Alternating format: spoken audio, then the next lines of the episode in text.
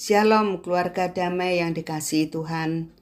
Senang pagi ini kita bisa berjumpa kembali untuk men-sharingkan firman Tuhan dengan tema Kerjakan Keselamatanmu.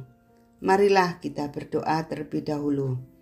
Terima kasih Tuhan, jikalau pagi ini kami bisa bangun kembali dengan tubuh yang sehat, sehingga hari ini kami bisa bersama-sama merenungkan sebagian dari firman-Mu. Kiranya Tuhan membuka hati kami untuk menerima kebenaran-Mu dan demi nama Tuhan Yesus kami berdoa. Bapak Ibu yang kami kasihi, sebagai lansia selama kita masih hidup, kita terus diberi kesempatan untuk melayani Tuhan. Dalam keterbatasan kita, kita masih bisa memakai sisa-sisa kekuatan kita untuk melakukan sesuatu hal yang berguna.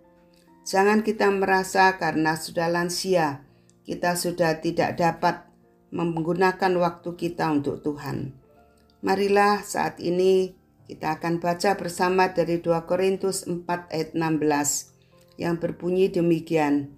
Sebab itu kami tidak tawar hati, tetapi meskipun manusia lahir, lahiria kami makin merosot, namun manusia batinia kami dibaharui dari sehari ke sehari. Memang suatu kenyataan bahwa semakin tua, semakin merosot kondisi kita, dan sangat terasa sekali yang saya alami pada tanggal 7 Juli 2022. Saya jatuh dan sudah satu tahun lebih sampai sekarang masih terasa sekali perbedaannya dengan kondisi sebelum jatuh.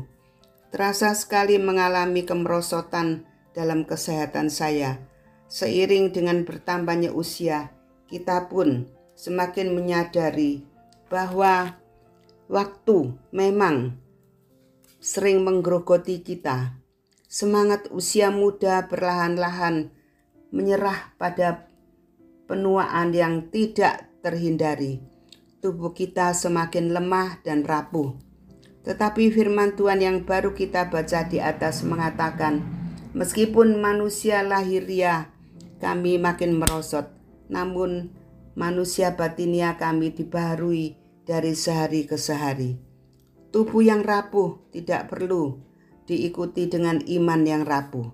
Sebab sebenarnya kepuasan dalam hidup kita berasal dari hubungan kita dengan Allah melalui iman di dalam Kristus Yesus. Setiap hari kita isi dengan membaca dan merenungkan firman Tuhan sehingga pengharapan dan semangat kita tidak sampai pudar seiring bertambahnya usia kita. Sebagai orang percaya, kita menantikan kehidupan yang kekal bersama Dia. Namun, selama masih hidup di dunia ini, kita masih bisa berkarya bagi Tuhan dengan penuh sukacita. Dalam Yohanes 10 ayat 10 dikatakan, pencuri datang hanya untuk mencuri, membunuh, dan membinasakan. Aku datang supaya mereka mempunyai hidup dan mempunyainya dalam segala kelimpahan.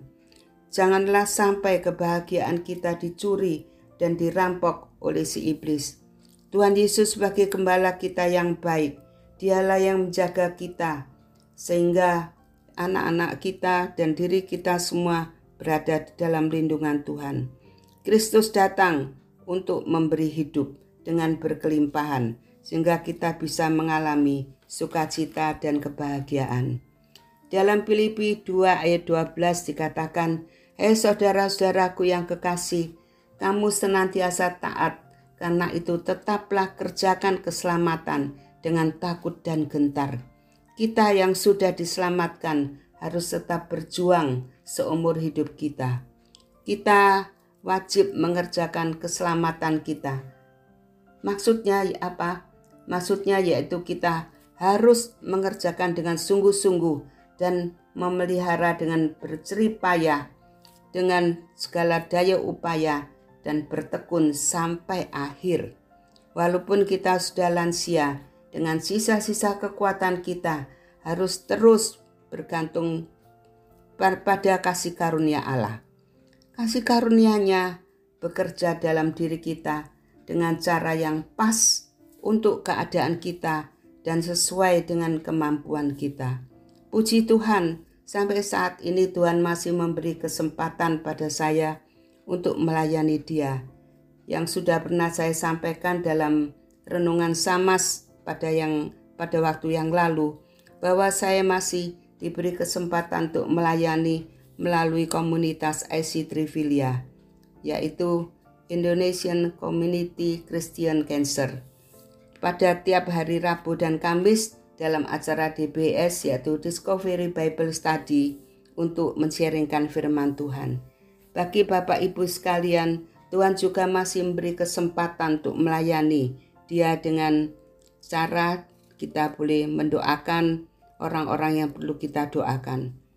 Tiap hari marilah kita gunakan waktu kita untuk mendoakan keluarga kita, anak cucu kita, untuk hamba-hamba Tuhan yang melayani Tuhan. Mereka sangat membutuhkan dukungan doa kita dan untuk teman-teman kita juga. Di akhir renungan ini saya akan membagikan tip yang diberi teman saya.